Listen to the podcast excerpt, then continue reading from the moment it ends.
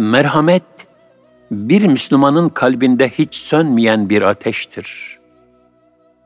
Merhamet, insanlığımızın bu alemdeki en mutena cevheridir ki, kalp yoluyla bizi hakkın vuslatına istikametlendirir.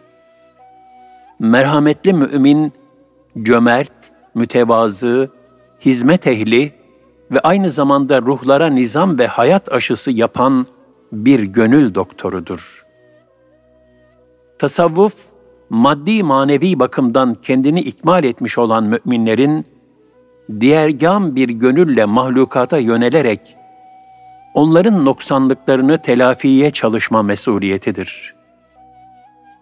Yaratandan ötürü yaratılanlara şefkat, merhamet, muhabbet ve hizmetin tabiatı asliye haline gelmesidir. El ulemâ'u verefetul enbiya Mukaddes emanetin varisleri Enbiyanın mirası ilim ve irfandır. Talebelerini İslam'ın karakter ve şahsiyetiyle ihya etmesidir. Hadis-i şerifte buyrulur, zahir ve batınını ikmal etmiş, ilmini irfan haline getirmiş alimler, peygamberlerin varisleridir. Zira ayet-i kerimede buyrulur, Allah'tan hakkıyla ancak alim kulları korkar. Fatır 28 Mukaddes emanetin varisleri İlahi talim ve terbiye Cenab-ı Hak, insandan cennete layık bir kıvamda edep, talim ve terbiye istemekte. Gönderilen peygamberlerin ve kitapların hikmeti bu. Bilhassa Muhammed Mustafa sallallahu aleyhi ve sellem Efendimiz, sadece kavmine değil, bütün dünyaya, sadece zamanına değil, Risalet asrından itibaren kıyamete dek bütün insanlığa hidayet rehberi. Cenab-ı Rabbül Alemin Resulullah sallallahu aleyhi ve sellem Efendimiz'i bizzat terbiye etti. Ümmetinin terbiyesini de o mükemmel rehber ve mürebbiye tevdi etti. O sallallahu aleyhi ve sellem 23 senelik risalet hayatında talim ve terbiyenin fert ve toplum ıslahının en güzel misalini vermiş, taassup ve cehalet karanlığındaki cahiliye insanından ashab-ı kiramı yetiştirmiştir. Cinayetleriyle iftihar eden bir toplumdan, rakik, hassas ruhlu fertlerden müteşekkil bir faziletler medeniyeti inşa etmiştir. Fahri kainat sallallahu aleyhi ve sellem Efendimiz Hakk'a irtihal ederken, ardında onun mukaddes emanetini yüklenen, tevhid sancağını hakkıyla taşıyan müstesna şahsiyetler bırakmıştır. Başta Hulefai Raşidin ve Aşere-i Mübeşşere olmak üzere, cümle ashab-ı kiram berrak aynalar halinde o risalet güneşinin nurunu tabi'in asrına aksettirmiş, beldeler ve kıtaları İslam'ın mütebessim çehresiyle tanıştırmışlardır. Kıyamete kadar bu vazife, liyakatli gönüller tarafından elden ele, gönülden gönüle taşınacaktır. Çünkü enbiyanın mirası ilim ve irfandır. Hadis-i şerifte buyrulur, mukaddes emanetin varisleri, zahir ve batınını ikmal etmiş, ilmini irfan haline getirmiş alimler, peygamberlerin varisleridir. Efendimiz sallallahu aleyhi ve sellemin mirasçıları, gönül ehli, ihlaslı, ilmiyle amil, irfanla kamil, ehlullah hazeratıdır.'' Onlar Efendimiz sallallahu aleyhi ve sellemin ve ashab-ı kiramın zamana yayılmış zirveleridir. dört mezhebin imamları, Kütüb-i Sitte'yi muazzam bir emekle bizlere ulaştıran muhaddisler, tefsir, kelam ve bütün İslami ilimlerde zahir ve batını ikmal etmiş, ihlas ve takva timsali alimler, Efendimiz sallallahu aleyhi ve sellemin talim ve terbiye emanetini bir hakkın devam ettirdiler. Adil sultanlar ve hakkaniyetli kadılar da Efendimiz sallallahu aleyhi ve sellemin adalet emanetini asırlara ihtimamla taşıdılar. Teskiye yani manevi terbiye vazifesini de tasavvuf büyükleri derühte ettiler. Hepsi hidayet rehberleridir. Onlar İslam medeniyetini devam ettiren rehberler oldular. Bize Kur'an-ı Kerim'de talim buyurulan وَجْعَلْنَا لِلْمُتَّقِينَ imama bizi takva sahiplerine rehber eyle duasının kabulünün tecellisi onlar oldular. El Furkan 74 Şüphesiz ki Allah Celle Celaluhu her yüz senenin başında bu ümmete dini işlerini yenileyecek, heyecanlarını tazeleyecek, sapmalarını düzeltecek, ufuklar açacak bir müceddit gönderecektir. Ümmetimin alimleri Beni İsrail peygamberleri gibidir hadisi şeriflerinin de beyan buyurduğu gibi, dini mübini İslam'ın Efendimiz sallallahu aleyhi ve sellemin teslim ettiği nezahet ve taravette, sıhhat ve canlılıkta korunması, Müslüman toplumların heyecanlarının tazelenmesi, daima bu ehlullahın gayretleriyle müyesser oldu. Bu hakikate tarihte şahittir. Tarihten misaller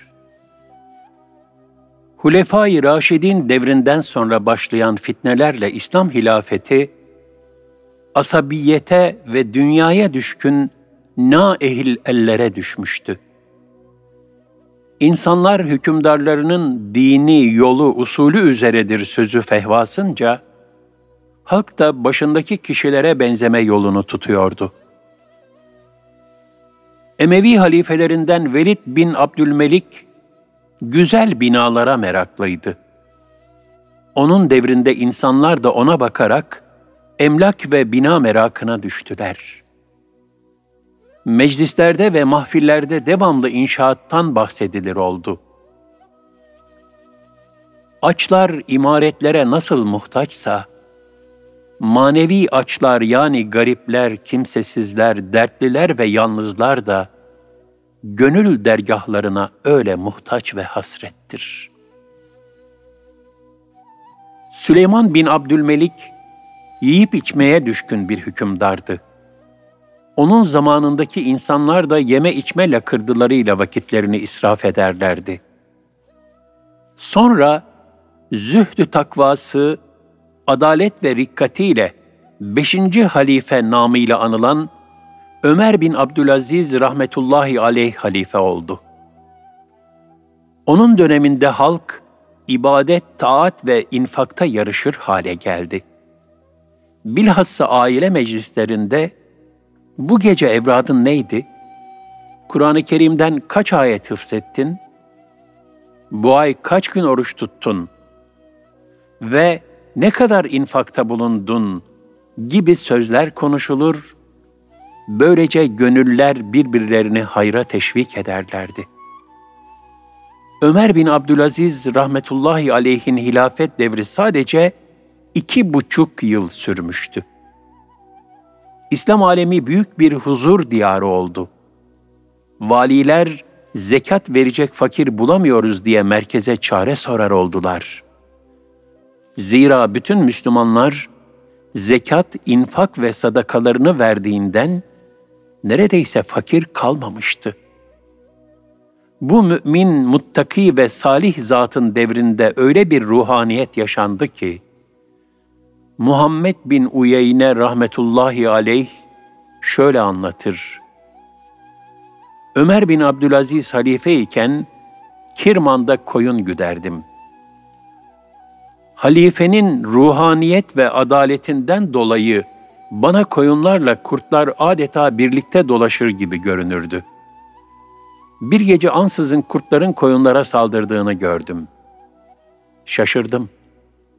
Sanki dünya bütün huzur ve sükununu kaybediyor gibiydi. İçimden şu adil ve hak dostu halife ölmüş olmalı dedim. Araştırdım, Ömer bin Abdülaziz'in o gece vefat ettiğini öğrendim. Ömer bin Abdülaziz rahmetullahi aleyh zamanında hudutlar İspanya'yı aşıp Pirene dağlarına dayanmıştı.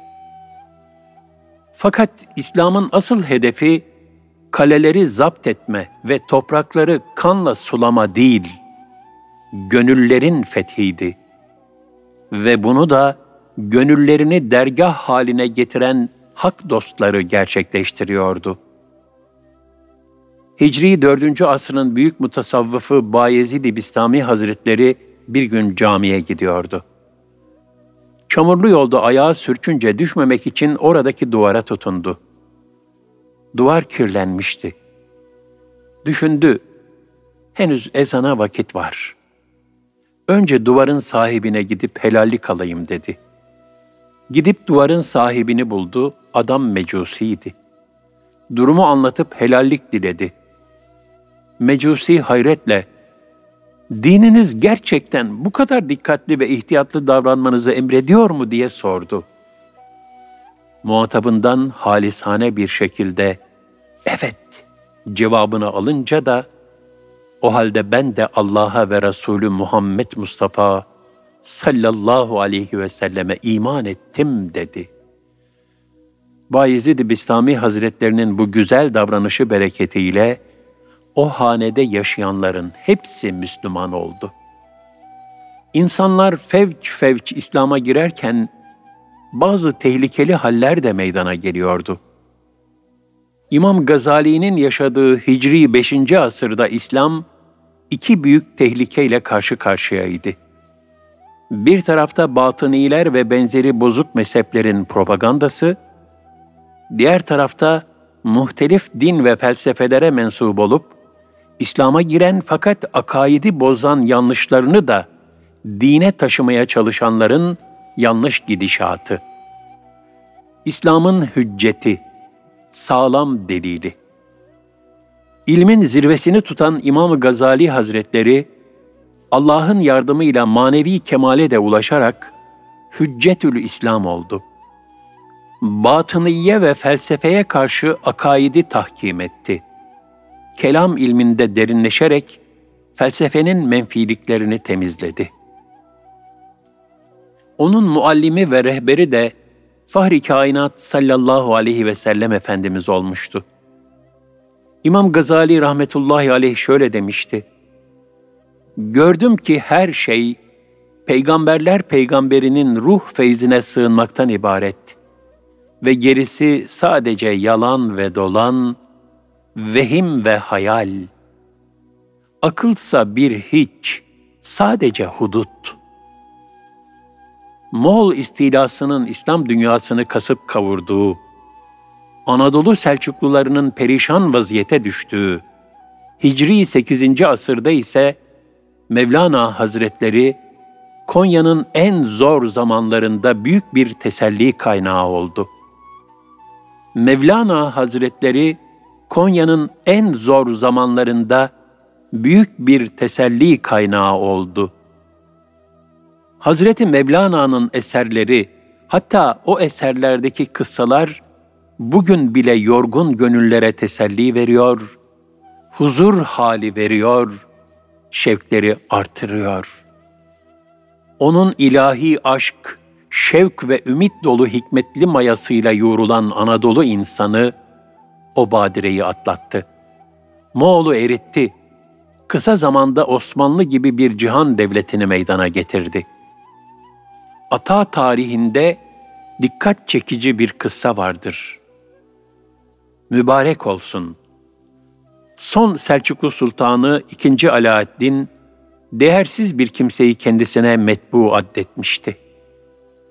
Bu sebeple tertip ettiği ziyafette hazır bulunan Mevlana Celaleddin Rumi, sultanın bu tercihini beğenmeyerek oradan ayrıldı. Sarayın merdivenlerinde Osmanlı Devleti'nin kurucusu, velayet sahibi bir bey olan Osman Gazi Hazretleri ile karşılaştı. Onu alıp tekkesine götürdü. Burada istikbalin büyük sultanı genç Osman Gazi'ye Fatiha-i Şerife okumasını emir buyurduktan sonra manevi bir aleme daldı. Sonra da bir uykudan uyanırcasına silkindi ve sordu. Oğlum kaç Fatiha okudun? 18 Fatiha okudum efendim. Bu cevap üzerine Hazreti Mevlana, bu yetmez diyerek 18 Fatiha-i Şerife de kendisi okuduktan sonra ona şu müjdeyi verdi. Oğlum, İslam padişahlığı sana ve nesline mübarek olsun. Neslinden 36 adil padişah gelecektir. Hakikaten tarihe bu nazarla baktığımızda Allah dostlarının topluma ve idarecilere hikmetli nasihatlerle istikamet verdiği zamanlarda maddi manevi büyük fütuhatların gerçekleştiğini müşahede ederiz. Osmanlı 400 atlı ile kuruldu. Küçük bir uç beyliğiydi. Üç asırda 24 milyon kilometre kareye ulaştı. Bu bereket ve muvaffakiyetin en mühim sebebi, sultanların manevi istinatları olan Edebali silsilesidir. Geyikli Baba, Emir Sultan, Hacı Bayram-ı Veli, Akşemseddin, Yahya Efendi, Sümbül Efendi, Merkez Efendi, Üftade, Aziz Mahmud Hüdayi, Şemseddin Sivasi, Halid-i Bağdadi şeklinde mana ehlinin silsilesi devam ettikçe, dünyada İslam medeniyeti yeni baştan ihya edilmiş oldu. Hakikaten ecdadımızın bu maneviyat içerisinde inşa ettikleri medeniyetten bugün de müstefid olmaktayız.''